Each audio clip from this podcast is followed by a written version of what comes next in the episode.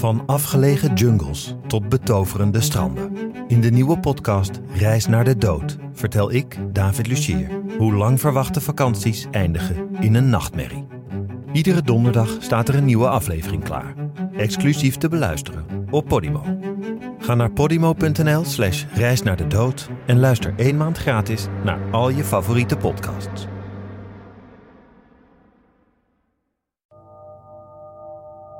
Moorden in het Noorden. Aflevering 8. Heidi 1979. Als er een kind vermist wordt, is de druk op het opsporingsteam extra groot. Is het kind weggelopen? Heeft het misschien de tijd uit het oog verloren? Eh, had het een slecht rapport en is het bang om naar huis te komen? Is er een ongeluk gebeurd en is het kind gewond of is er nog iets veel ergers gebeurd? Belangrijk is zo snel mogelijk te achterhalen waar het kind is. Want hoe meer uren of zelfs dagen er voorbij gaan, des te groter de kans dat het om een misdrijf gaat. En hoe meer de tijd verstrijkt, hoe moeilijker het wordt sporen zeker te stellen en bruikbare getuigen te vinden die kunnen helpen bij het oplossen van de vermissing. In deze zaak wordt het kind niet gevonden en kan het dus ook niet terug naar haar moeder worden gebracht. De politie gaat ervan uit dat het meisje slachtoffer is geworden van een geweldsmisdrijf.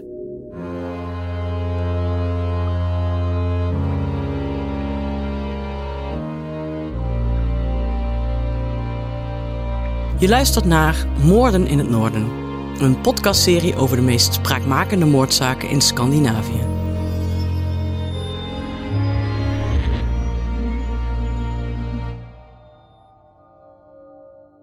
Ons verslag van deze zaken is gebaseerd op bronnen die zich in het publieke domein bevinden, zoals interviews, persberichten en rechtbankverslagen. In sommige gevallen worden details uit dramaturgische overwegingen weggelaten, wanneer deze als niet relevant worden beschouwd. We willen erop wijzen dat onze podcastserie gewelddadige fragmenten kan bevatten die als schokkend kunnen worden ervaren. Wat je hoort is een waargebeurd verhaal onderzocht en opgeschreven door Vivian Isabelle Laumhauge-Petersen en Barbara Gerolf Nuholm. En verteld door mij, Hanneke Hendricks.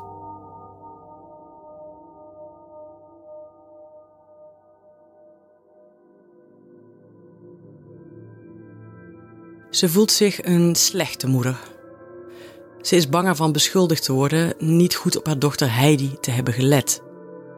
Daarom aarzelt Heidi's moeder de politie te bellen ook al is het meisje al een paar uur zoek. Nog de buren, nog haar speelkameraadjes weten waar ze is.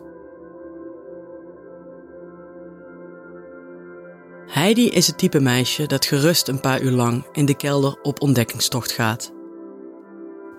Soms gaat ze onaangekondigd langs bij een van de andere bewoners van de flatgebouw, bijvoorbeeld als ze een beetje trek heeft. Ze is nieuwsgierig en goed van vertrouwen Sommige buren vinden haar soms wat opdringerig, maar haar buurman Kelt vindt het altijd prachtig als ze op bezoek komt.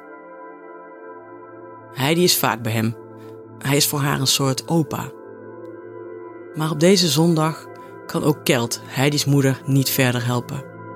Hij heeft haar vandaag nog niet gezien. Hij kan horen hoe bezorgd Heidi's moeder is en dat maakt ook hem ongerust. Het is nu al bijna acht uur het is al donker en behoorlijk koud buiten en Heidi is pas vier jaar oud. Ze speelde die namiddag alleen in de zandbak op de binnenplaats. Haar moeder is regelmatig even bij haar gaan kijken, maar als ze Heidi om kwart voor zes voor het avondeten naar boven wil roepen, kan ze haar nergens meer vinden. Intussen zijn er twee uur verstreken en niemand heeft haar gezien of weet waar ze is. Als Kelt voorstelt de politie in te schakelen, wordt Heidi's moeder ongemakkelijk.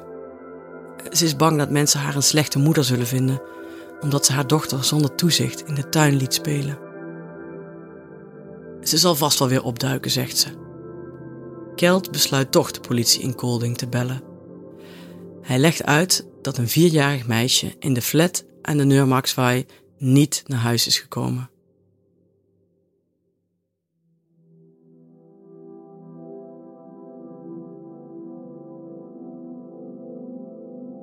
Is Palmpasen, 1979. De paasvakantie is net begonnen in Denemarken. Met grote bezorgdheid kijkt de hele wereld naar het ongeluk met de kernreactor in Three Mile Island, Amerika. Ook de val van de Shah en de terugkeer van Ayatollah Khomeini in Iran is dag in dag uit voorpagina nieuws. Het nationale nieuws wordt gedomineerd door de bommenlegger van Gladakse, de man die Kopenhagen en omgeving twee jaar lang met bomaanslagen terroriseerde en die net tot vijf jaar gevangenisstraf is veroordeeld. Het zal niet lang duren voordat in Kolding, de hoofdstad van de provincie Zuid-Jutland, het nieuws alleen nog maar over de verdwenen vierjarige Heidi zal gaan. De politie in Kolding reageert die zondagavond meteen op de melding van Kelt.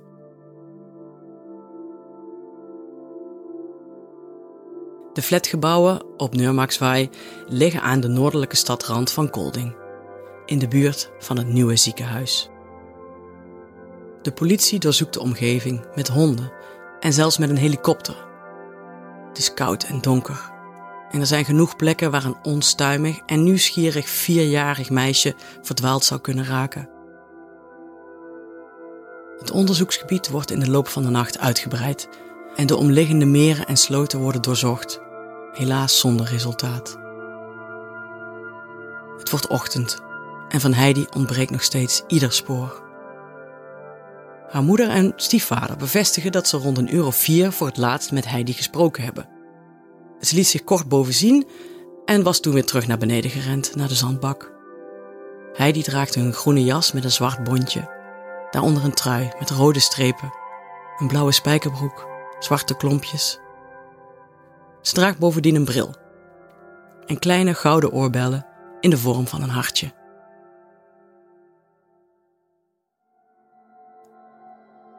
Maandagmorgen vergroot de politie de zoekradius opnieuw. Omwonenden helpen mee een bosgebied en enkele terpen te doorzoeken, dicht bij de plek waar de kinderen uit de wijk vaak spelen. Meerdere getuigen vertellen de politie dat ze in de loop van zondag een auto met gierende banden hebben horen remmen. Sommigen maken ook melding van het geluid van een doffe klap. Maar als hij die het slachtoffer was van een aanrijding, eh, waarom is ze dan niet ter plekke gevonden? Thuis hoort Heidi's moeder op de radio de berichten over haar verdwenen dochter. Ze weet dat Heidi een makkelijke prooi zou kunnen zijn geweest voor een pedofiel omdat ze niet bang is voor vreemden.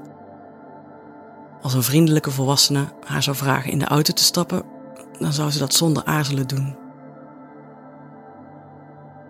De politie denkt dat het goed mogelijk is dat het om een ongeluk gaat.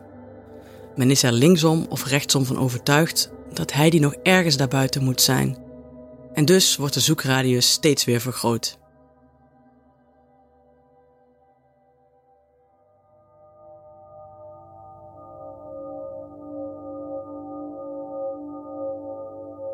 Ieder uur dat verstrijkt, verkleint de hoop op het meisje nog levend te vinden.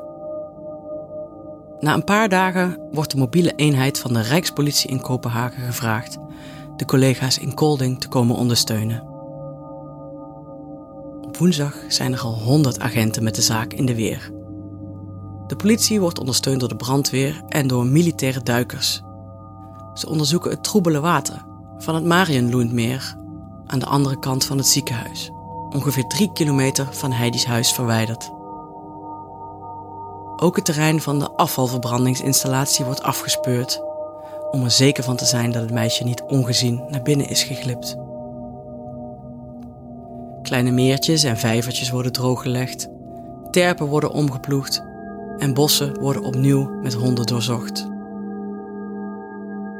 Bewoners van de aangrenzende wijken worden gevraagd in hun eigen tuinen en schuren naar Heidi te zoeken. Buurtbewoners helpen waar ze kunnen, maar geen van hun tips helpt de politie verder in het onderzoek.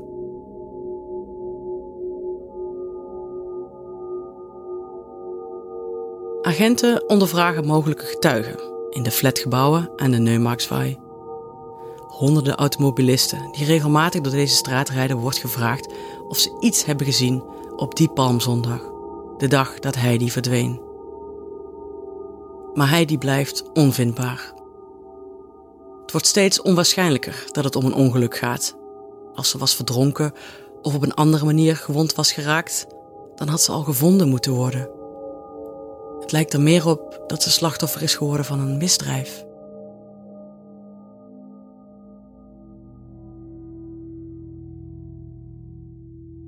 De laatste hoop van de politie is Heidi ontvoerd. Zo luidt de kop van een artikel op de voorpagina van de krant Kolding Volkenblad, gepubliceerd een kleine week nadat het meisje verdween. Er wordt geopperd dat Heidi misschien ontvoerd is door een verwaarde vrouw met een onvervulde kinderwens. Zoiets is al wel eens eerder voorgekomen. En dat zou nog wel het gunstigste geval zijn. Alternatieve scenario's zijn veel grimmiger en eindigen allemaal onherroepelijk in Heidi's dood.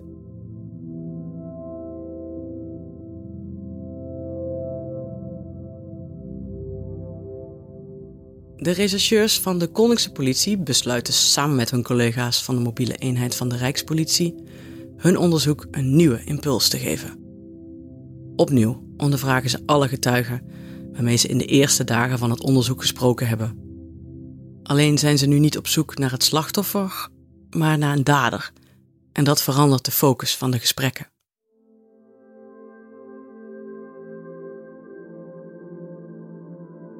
Andere vragen leiden ook tot andere antwoorden. En nu er meer tijd verstreken is, herinneren de ondervraagden zich veel minder details. Getuigen lijken ineens niet meer zo zeker te zijn, of op zijn minst voorzichtiger, nu het mogelijk om een levensdelict gaat. Het is uiteindelijk voor de politie zelfs onduidelijk wie het meisje op de dag van haar verdwijnen nu eigenlijk wel of niet heeft gezien. Zelfs buurman Kelt, die op de bewuste zondag de politie belde, kan hen echt niet verder helpen. Hij zag Heidi voor het laatst op de dag voor haar verdwijnen. Kelts broer en schoonzus waren op bezoek en Heidi wilde eigenlijk met hen mee op familiebezoek in Zuid-Jutland. Ze had de hele ochtend met hen doorgebracht, terwijl de koffers werden ingepakt en toen Kelt haar uitnodigde om mee te gaan, had Heidi's moeder daarmee ingestemd. Maar op het laatste moment veranderde Kelt van gedachten. Ja, hij wilde toch niet met de auto gaan en Heidi moest daardoor thuis blijven. Die gedachte laat Kelt niet los. Als hij die zaterdag met Heidi naar het familiebezoek in Zuid-Jutland was gereden, dan zou Heidi ver weg zijn geweest van de Neurmaxvai en uit de handen van haar ontvoerder zijn gebleven. Kjeld verklaart dat hij Heidi zaterdagnamiddag voor het laatst heeft gezien. Heidi's stiefvader is degene die de politie het beste kan helpen de noodlottige zondag te reconstrueren. In de ochtend gaat hij samen met Heidi naar het station van Kolding om zijn fiets op te halen uit een ondergrondse stalling. Hij heeft de fiets de dag daarvoor achtergelaten omdat hij in het stadion moest werken. De stiefvader werkt bij de gemeente en is verantwoordelijk voor het opnieuw aanleggen van de atletiekbaan. Hij verklaart te voet met Heidi naar het stadion te zijn gegaan en daarna met Heidi achterop terug naar huis te zijn gefietst. Op de terugweg hebben ze een klein ongelukje. Hij verliest zijn evenwicht en Heidi glijdt van de bagagedrager af. Maar gelukkig is ze ongedeerd. Weer thuis wordt er wat gegeten. En na een middagdutje gaat Heidi rond drie uur naar beneden om in de zandbak te spelen. Ongeveer een uur later komt ze naar boven, kort, om in de keuken een glas water te drinken. Dit verklaart haar stiefvader, precies zoals haar moeder eerder al vertelde. Rond vier uur gaat Heidi dan weer naar beneden. En daarna hebben ze het meisje niet meer gezien. Om andere mogelijke getuigen te vinden, reconstrueren de onderzoekers samen met Heidi's stiefvader de route die ze aflegden naar het stadion in Kolding. Samen met een meisje van Heidi's leeftijd lopen ze exact dezelfde weg. Ze zijn allebei precies zo gekleed als op de bewuste dag. Het onderzoeksteam heeft een fotograaf meegenomen en de foto's worden in alle plaatselijke kranten gepubliceerd om het geheugen van mogelijke getuigen op te frissen. Maar geen enkele getuige meldt zich. Sinds Heidi's verdwijning heeft de politie ruim 300 tips binnengekregen en ruim 500 verklaringen verzameld. Maar van het meisje ontbreekt nog steeds ieder spoor. Het lijkt vrij onwaarschijnlijk dat niemand Heidi en haar stiefvader die zondag heeft gezien. Te voet op de heenweg of samen fietsend op de weg terug. Als de rechercheurs eindelijk klaar zijn met het ondervragen van mogelijke getuigen in de flat, valt hen iets opmerkelijks op. Het lijkt erop dat niemand Heidi die ochtend met haar stiefvader heeft zien lopen of fietsen. Maar ook niemand heeft haar later die dag op de binnenplaats in de zandbak zien spelen.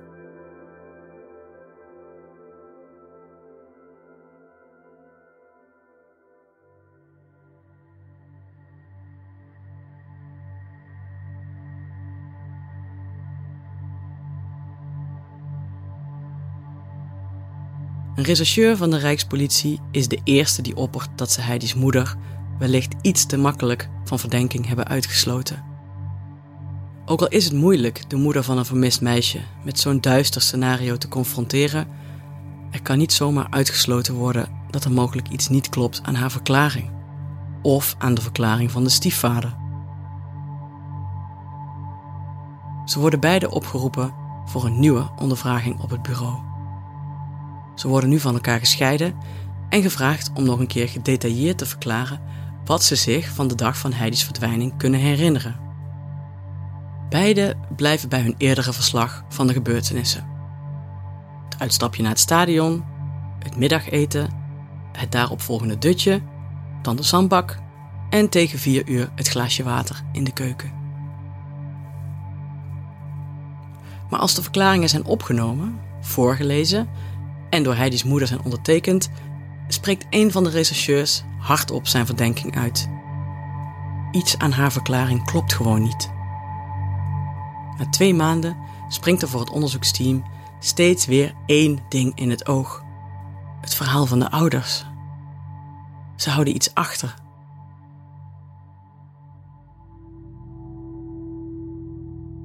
Heidi's moeder trekt wit weg.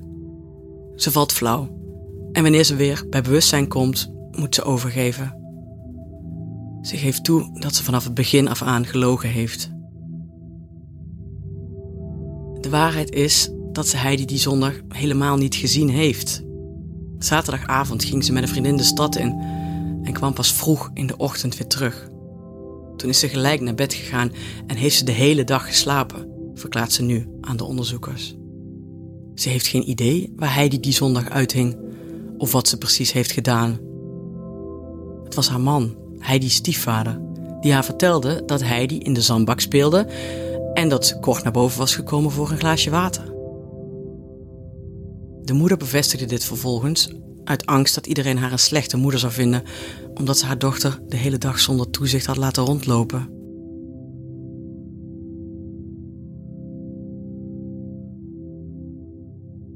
De nieuwe verklaring van Heidi's moeder betekent dat er maar één iemand is die echt kan weten hoe hij die zondag verliep.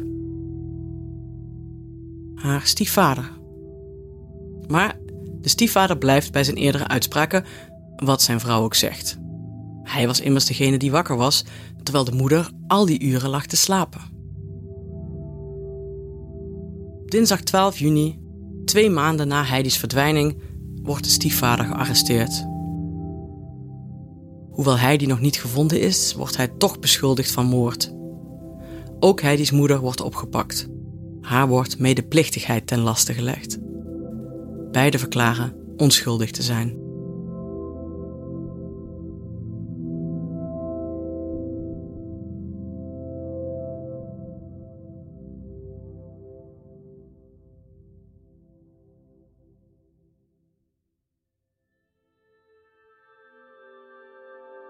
De voorbereidende hoorzitting duurt maar liefst 36 uur. De rechtbank zit vol met journalisten en met nieuwsgierige burgers die de ijzingwekkende zaak van het verdwenen meisje de afgelopen twee maanden op de voet hebben gevolgd.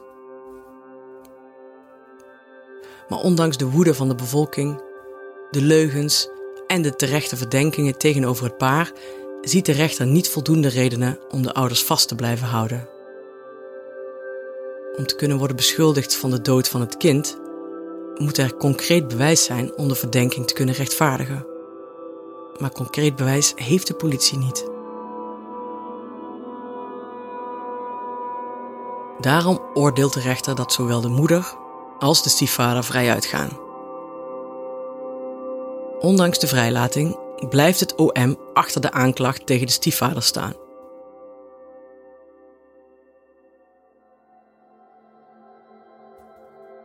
Van Heidi ontbreekt nog steeds ieder spoor.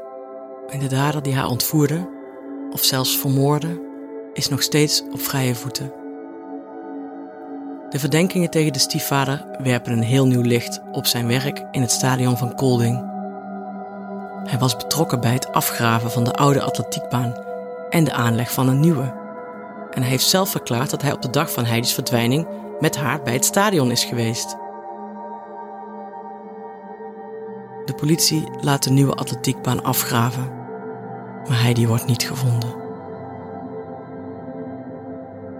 De rechercheurs van de mobiele eenheid van de Rijkspolitie ondersteunen hun collega's in Kolding nog een extra vijf maanden.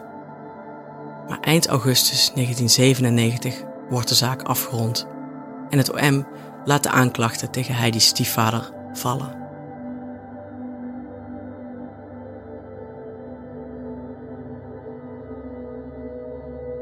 Enige tijd later gaan Heidi's moeder en stiefvader uit elkaar.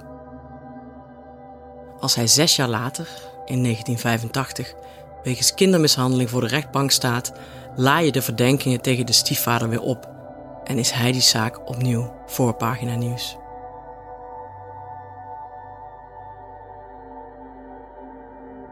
Heidi's stiefvader heeft na de scheiding van haar moeder een nieuwe vriendin gevonden. Ook deze vrouw heeft een kind uit een eerdere relatie en het duurt niet lang voordat het stel samen een zoon krijgt. Als het kind vier maanden oud is, wordt het met een zware schedelbreuk opgenomen in het ziekenhuis van Kolding. De kleine jongen houdt er blijvende hersenschade aan over. Hij die stiefvader wordt gearresteerd en zware mishandeling ten laste gelegd.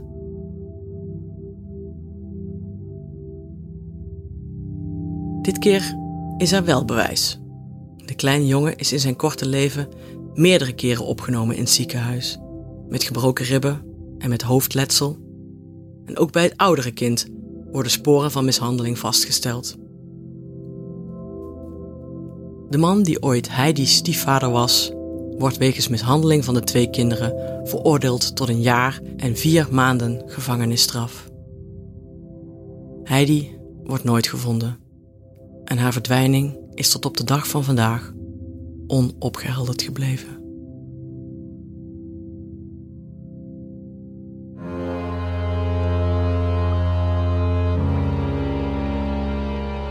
Dit is de Nederlandse versie van de Deense serie Moord in Noord, een productie van Dag en Nacht Media in opdracht van Podimo. Text en research Vivian Isabella Laumhauge-Petersen. Vertaling Lotte Lentes. Ingesproken door Hanneke Hendricks. Montage en mixage door Jeroen Sturing. Productie door Anne Janssens namens Dag en Nacht Media.